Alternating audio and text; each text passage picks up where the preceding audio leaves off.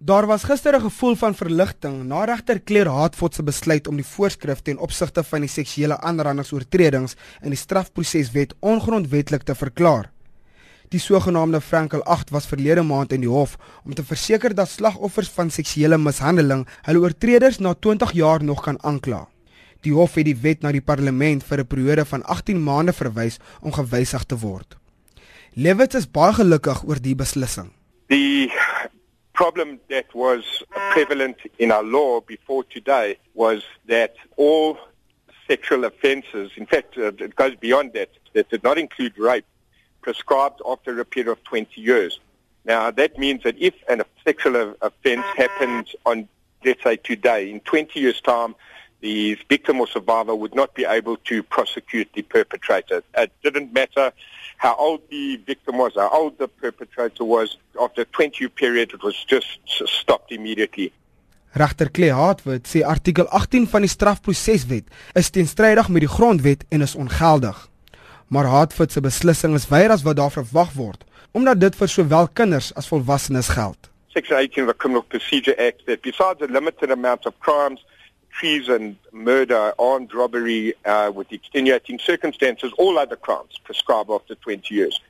So what happens is that we, we believe that uh, in regard to sexual offences specifically, the act was unconstitutional. We had to lay criminal charges because we needed the, the National Prosecuting Authority to decline to prosecute. And we then took it to the High Court to determine the, the mm. constitutionality thereof.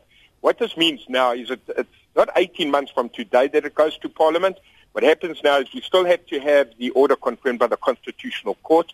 We will submit our papers probably by the end of the week. We hope to be heard by November this year. We don't believe it will be a two-day judgment. We think, in fact think it will be less than a day's argument.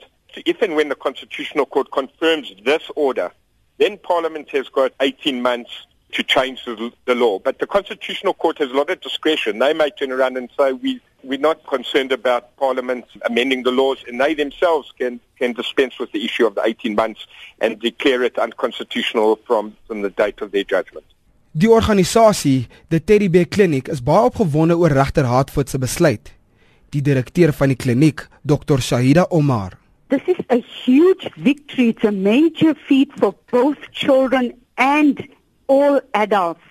Previously, it was there was a statute of limitations for any form of sexual assault, and of course, this barred people from coming forward after 20 years.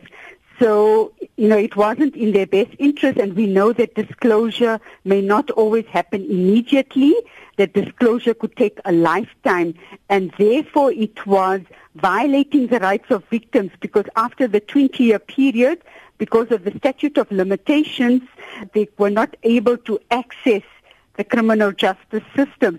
Omar sê hierdie verandering aan die wet sal slagoffers moed gee om na vore te kom. Previously people were afraid to come out because they knew there was a statute of limitations and that they would not have any access or support from the criminal justice system and this is no longer the case and I feel that it is critical that victims of sexual abuse be treated fairly and equally before the law. And with this judgment, it has acknowledged the trauma and the suffering of victims. And the court has demonstrated its understanding that disclosure is a process and that it is very painful and complex and that it could take a long time. And therefore, it requires the courage and bravery of victims to come forward. Dit was Dr. Shahida Omar, die direkteur van die Teddy Bear Clinic. Ek is Vincent Mofokeng vir SAK nuus.